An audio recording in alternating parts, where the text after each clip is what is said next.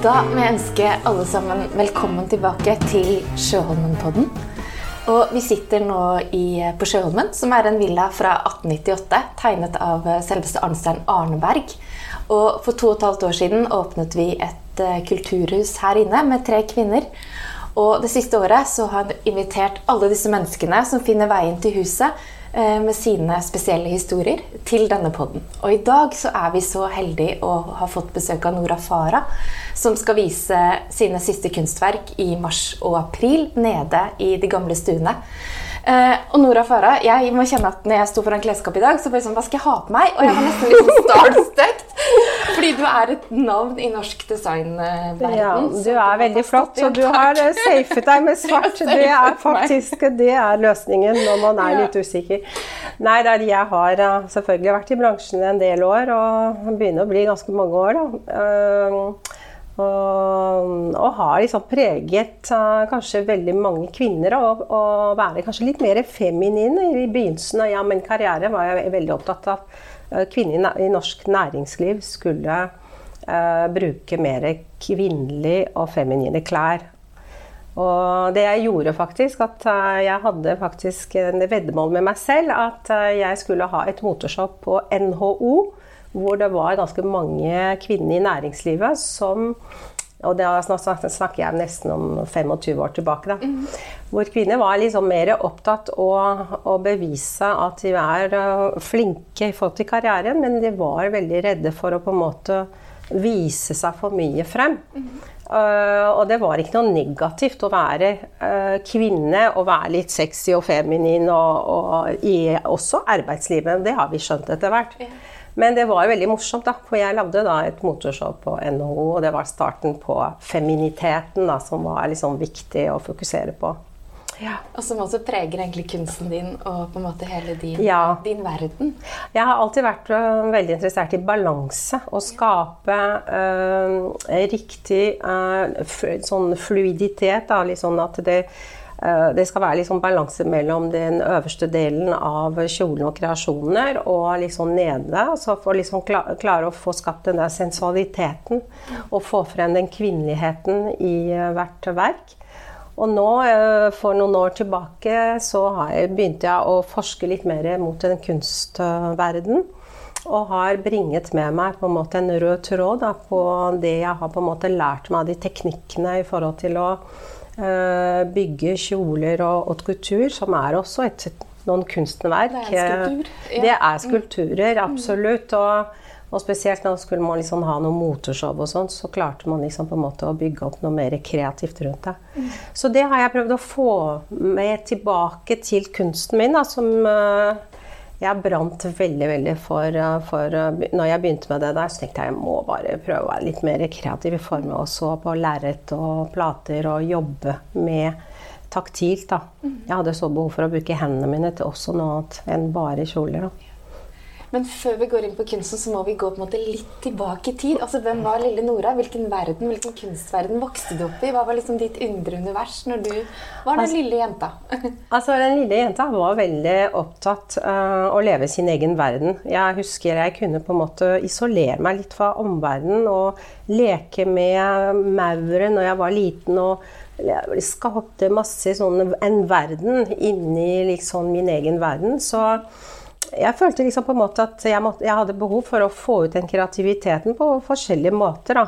Uh, man begynte selvfølgelig å lage sånne kjoler til Barbie-dukkene sine. Og så følte jeg liksom på mer og mer, mer at jeg var veldig interessert å skape noe av noe annet.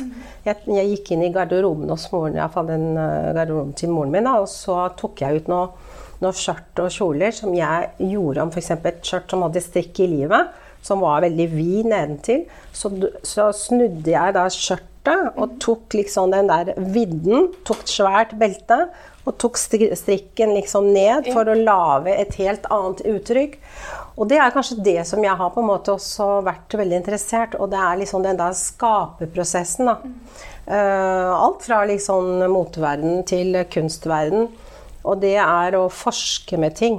Forske med nye materialer Forske med Så den lille Nora har alltid vært i en, i en sånn forskerprosess da, siden jeg var liten. Og det var faktisk det som jeg føler liksom, at det har vært i den styrken som jeg har hatt hele tiden med meg. Mm. Men jeg har hørt andre kunstnere også som jeg har snakket med, at de samler seg ikke altså Kunstner er én ting, men hun, en jeg pratet med, hun sammenlignet seg med å være en forsker. Altså Det var egentlig det hun var. Ikke forske sant? i menneskesinnet, forske i materialer, i tematikker. Ja, forske med kanskje noen ideer og skape noe som er litt annerledes. Mm.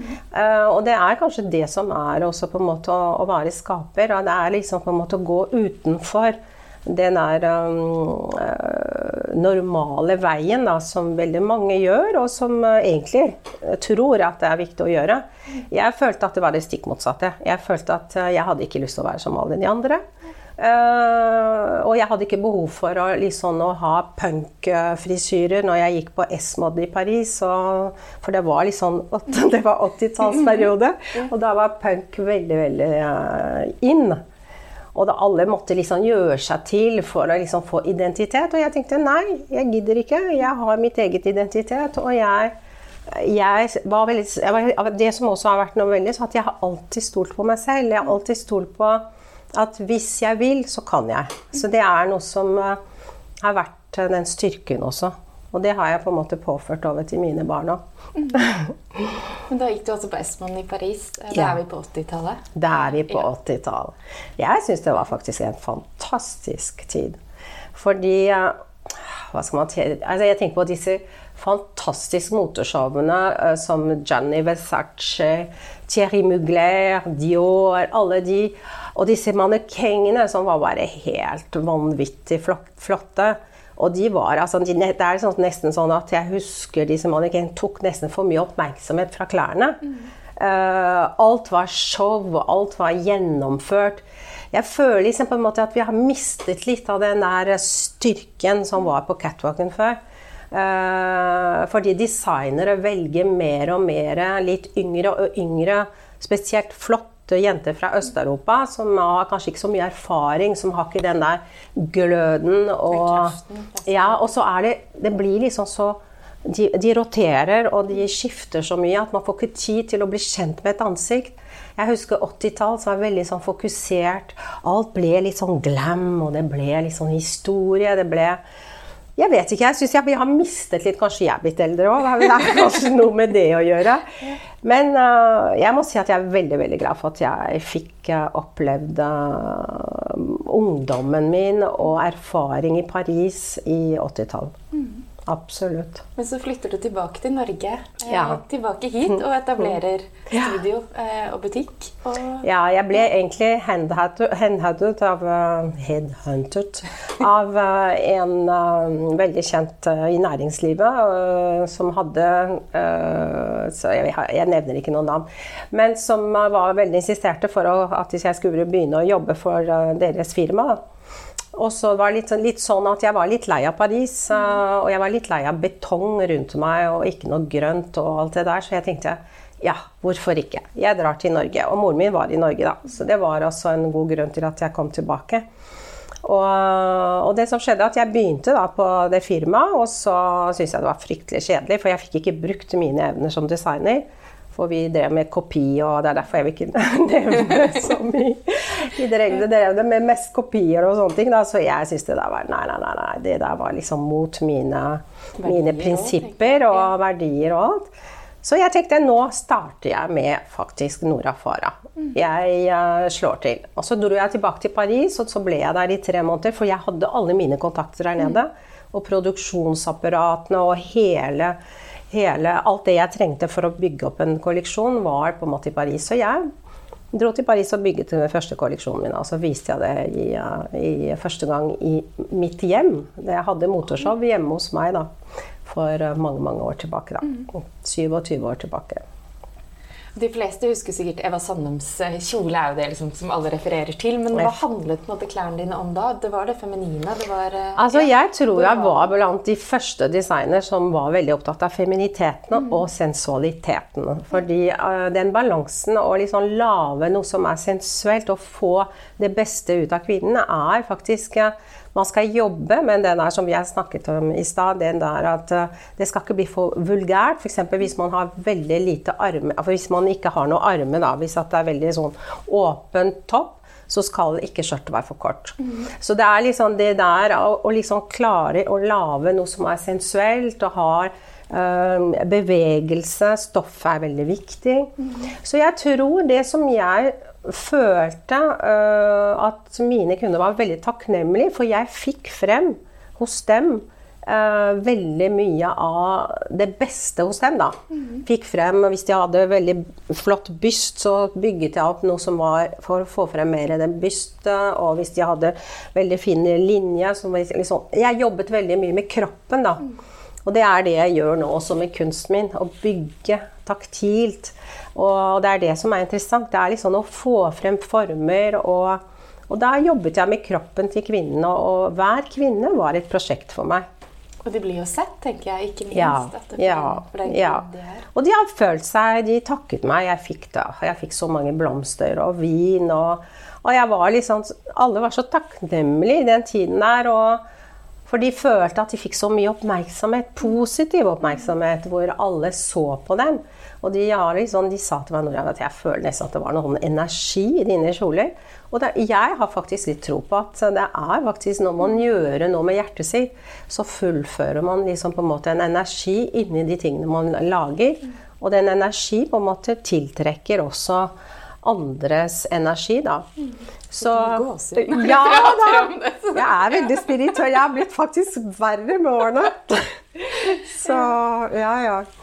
Nei, altså, det, har vært, det har vært faktisk det som har gitt meg mest glede i yrket mitt. Fordi det er ikke bare glamour å drive og være designer. Det er mye hardt arbeid. Jeg har vært alenemor også i åtte år og måtte kombinere med to unger. og og dro på jobb som ingenting skulle skje, og hadde én million ting som måtte ordnes. Og, til, og, så skulle jeg late som foran mine unger at Ja, lille venn, bare spis, ta god tid. Liksom, og så hadde jeg liksom nerver under. Men samtidig så klarte jeg å få en balanse, da, med balansen, da, igjen med å skape eh, trygghetsfaktor for barna og gitt dem en, uh, et hjem hvor de har fått veldig mye kjærlighet og oppmerksomhet, positiv oppmerksomhet, og, og, fokusert på det som på en måte gir dem styrke. Uh, samtidig for at jeg skulle liksom ta vare på firmaet mitt, da, som, uh, som var, det var ganske krevende. For jeg gjorde ganske mye i mitt firma. Jeg hadde ikke så mange andre som hjalp til. Så, så, sånn er det å være kvinne. vi snakket jo om før vi lyden ble skrudd på her, denne kvinnen som på en måte var eh, jordnær og forankret, og denne kraften. Eh, mm. Så det stemmer jo. Jeg er veldig jordnær. Uh, samtidig så kan jeg være litt smågæren, heldigvis. fordi uh, det er det som gjør at uh, skaperkraften i meg Eh, kan på en måte gå ganske langt. Jeg kan liksom sove inn med masse ideer, og, og så står jeg opp som en sånn Nå må jeg stå opp, fordi nå har jeg så mye oppi hodet. Men samtidig så er jeg veldig jordnær, for jeg har en sånn eh, en trygghet i meg som gjør at jeg får liksom på en måte den der uh, gode kontakten. Jeg, er, jeg, er, jeg, trenger ikke noe som veldig mange skribent eller artister trenger. Litt sånn uh, enten å drikke eller ta noe ja, Gjøre noe som gjør at kanskje hjernen eller får litt stimulering. Men jeg føler liksom den stimulering har jeg i meg hele tiden. Det er den indre verden? Da, Nei, indre verden, ja. Og det er sånn som jeg nå begynner faktisk å, å skjønne at eh, vi er bare ikke kjøtt og blod. Altså, vi har eh, enormt mye som man ikke ser eller føler um, før man begynner å liksom, liksom gi den oppmerksomheten. Uh, og det er den der kraften som vi har i oss. Vi har så mye kraft, alle sammen. Det er synd at vi ikke bruker det, alle sammen. Vi blir sånn kuet av samfunnet. Uh, og den kraften, det er den som på en måte hjelper meg å gå videre. Å gå videre hele tiden. Jeg har behov for å forske, gå videre, uh, finne nye materialer, nye måter å, å gjøre ting på. Hendene mine hele tiden må liksom jobbe for å få liksom den der, den der roen. Ja. Men da må så. vi gå over til bildene dine. Og vi er inne på denne kraften. For bak oss her så har vi jo denne kvinnen. Eh, urkvinnen. Eh, for da jobbet du videre med objekter og verk og materialer. Eh, det har jeg. Og det som jeg har gjort øh, når jeg hadde litt sånn øh, Når jeg på en måte måtte stenge atelieret mitt Eh, jeg måtte ta en avgjørelse, fordi jeg reiste veldig mye. Jeg har også et, sted i Frankrike hvor vi er veldig mye, eh, på et landlig sted, som også faktisk gir meg veldig mye inspirasjon. Eh, da måtte jeg Da tenkte jeg, men herlighet hvor mye lekre stoffer jeg har. Jeg kan ikke kaste noe av det. Altså, det er brodering, og det er stoffer som kostet nesten 10 000 kroner. Noen av de før jeg begynte å jobbe med dem. Og da kan du tenke deg hvor mye stener og pajetter og ting og tang, fordi jeg måtte lage noe unikt. Så det som skjer da, når jeg hadde så mye stoffer, så tenkte jeg at jeg må gjøre noe med disse stoffene. Og da tenkte jeg at nå skal jeg liksom føre liksom den der teknikken, drapering uh, disse, liksom, At disse stoffene skal få et nytt liv. Mm. Og det var det jeg var litt interessert i. Da kreerer jeg litt du ser, Hvis du ser her, så ser du at det er noen stofferbiter her også. Der, her, her.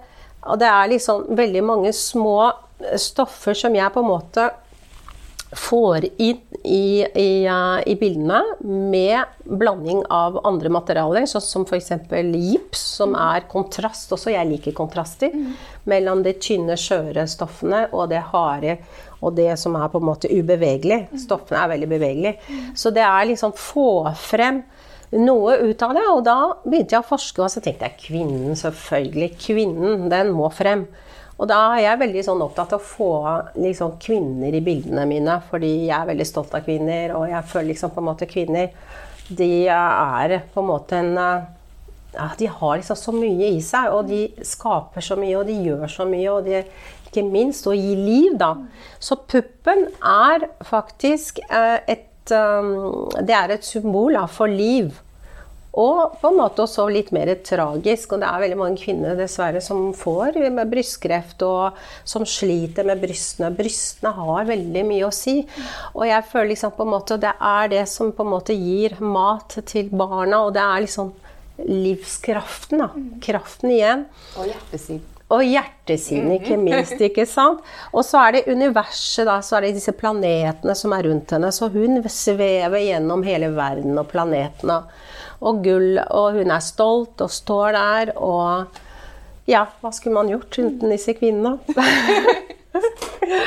For når du kom inn her i stad, så hadde du med flere kvinner. Og mange av de har jo mm. gudinnenavn. Altså ja. både fra norrøn mytologi og fra gresk-romersk mytologi. Ikke sant. ikke sant. Jeg har også mine røtter som uh, jeg har eh, bodd i Tunisia, også i Frankrike, så jeg har på en måte med meg andre typer kulturer som jeg også kanskje i underbevisstheten føler at det er så mye historie bak det. F.eks. i Tunisia har man liksom romerne, som var, uh, da skapte deres egne uh, empire der, og de drev liksom og, og, styrte landet. Så jeg har liksom vært veldig tiltrukket av um, mytologi. Og mytologi er veldig mye, mye som kommer inn i, i, mine verk også. Og så tror jeg jeg har også de fargene. Jeg bruker veldig mye jordnære farger. Eh, det har jeg alltid gjort. Til og med i, eh, når eh, jeg lagde motorshow, så hadde jeg veldig mye jordnære. Og det var kanskje noe som var litt uvant for det norske markedet i begynnelsen. Fordi det var veldig mye pasteller og litt sånn skjøre farger. For norske kvinner kler veldig godt sånne skjøre pastellfarger, men de kler også faktisk andre farger som er litt mer skarpe òg. Så det der med jord, jordfarger kombinert med på en måte den der mystikken og mytologien og alt det der, gjør at jeg merker ofte at når jeg har på en måte skapt noe, så virker det som det er fra litt, sånn, litt en blanding fra en annen tid, og så blanding med med den verden vi lever i i dag. Da. Ja, det er noe ur. Det er noe arkaisk. Vi er liksom tilbake ja. til Ikke sant? Kanskje jeg graver litt mer og mer i det i fortiden uten å kanskje være så bevisst på det. Men jeg er faktisk overrasket selv noen ganger over uh, det som kommer ut av disse tingene som jeg skaper. Mm. Ja. Jeg tenker at Den opprinnelige mytologien og mytene, altså før mm. religionene, før på en måte alt det moderne, Ikke det handlet om menneskets sider, og hvordan på en måte sette bilder på menneskets sider. Og det er det du egentlig også er, gjør. Ja, jeg er veldig interessert i menneskene. Jeg er interessert i alt som har med Mennesker, uh, sunnhet. Uh, jeg er blitt så nå veldig veldig gira på å spise sunt. Uh, og merker at det gjør veldig mye med oss mennesker hvor mye energi jeg har fått med å lage en Å leve liksom mer sånn at man, man liksom får inn i oss riktig, riktig mat og riktige impulser. Riktig, og ikke bli liksom dratt inn i en verden som er vanskelig å ta tak i. Da. Mm. Prøve å få roen i seg selv og den balansen som jeg snakker om da. Mm. Men en av kvinnene som vi ikke tok med her, men som sto nede, var denne håpet. Eh, det sa så mye fint om kvinnen som ja, tar imot. Ja. ja. vi må leve i håpet. Det er på en måte, og spesielt i de tidene vi lever i i dag. Og det er uh, veldig mange mennesker som Jeg tror det verste er å miste håpet. Uh, jeg føler liksom på en måte at hvis man mister håpet, så har man mistet veldig mye. Så, og det er derfor man må kunne på en måte hente seg inn og, og, og, snakke med seg selv og tenke men det der går over. Man må liksom ha det der positive sinnet og, og håpet. Det er um, For meg var det også et tegn på, på livet. Mm. Så, så, så, hun som kom da i det bildet med håpet, hun, ble, hun var sånn liksom armene opp og tar imot alle utfordringene. Eh, både hennes private utfordringer og verdens utfordringer. Og det er ikke bare bare lett å være et menneske i et sånn verden som er så usikker, og det er mye spørsmål man på en måte spør seg selv. da, Hvor skal vi, og hva skjer? Det er de store spørsmålene. Hva kommer til å skje når det viruset nå vi har fått litt sånn stabilitet på det der? Det er veldig spennende. Mm. Men før vi avslutter, så må vi bare snakke om dette objektet som står her. Eh, ja. Det er en morsom faktisk, historie. Men det er en veldig morsom ja. historie. Jeg, det var litt sånn at jeg Det er et uh, Hva kaller man det? En sånn julekapsel? Kapsel, ja, kapsel. Ja. Uh, som var bare helt krasjet sammen. Og jeg tenkte åh, det var spennende! Det Altså, jeg likte så godt formen, nei, men den er liksom vanskelig å, å vise, for den er, den er, så tung, først og fremst. Så det, jeg har jobbet veldig mye med den der inn, inni her, da. Ja. Jeg tenkte her må jeg gjøre, skape noe mystikk inni der. Og så få og beholde på en måte den glatte formen her og det der Disse uregelmessighetene. Det er nesten sånn at jeg kommer tilbake til den der verden med drapering og stoffer og alt det der. Jeg fikk litt sånn følelse når jeg så det der. Så jeg tenkte det er nytt material som jeg har nå begynt å jobbe med. det er veldig tungt, da. Men, uh, men, det har vært veldig, veldig spennende da, å jobbe med, med det òg. Så det kommer jeg til å vise til neste visning. da, Til uh, kunst og, og åpningstid hos dere. da. Så jeg er veldig, veldig glad for og veldig stolt av å være en del av huset her. Jeg har oppdaget hvor mye arbeid dere har holdt her, og det er helt fantastisk. Det er litt sånn mysterium. Det er sånn, man går litt rundt og, og litt sånn oppdager masse forskjellige. Jeg, må virkelig, jeg er veldig glad for at dere tok kontakt og spurte om å få lov å være her. Det er en ære, og jeg har enorm respekt for den veien du har gått fra ja, ja det har vært morsomt. Å være kvinne inn i moteverdenen og på en måte som kunstner. Så, takk skal takk, du ha. Nora. Takk, takk for en fin samtale. Ja, takk. Veldig hyggelig. Tusen takk.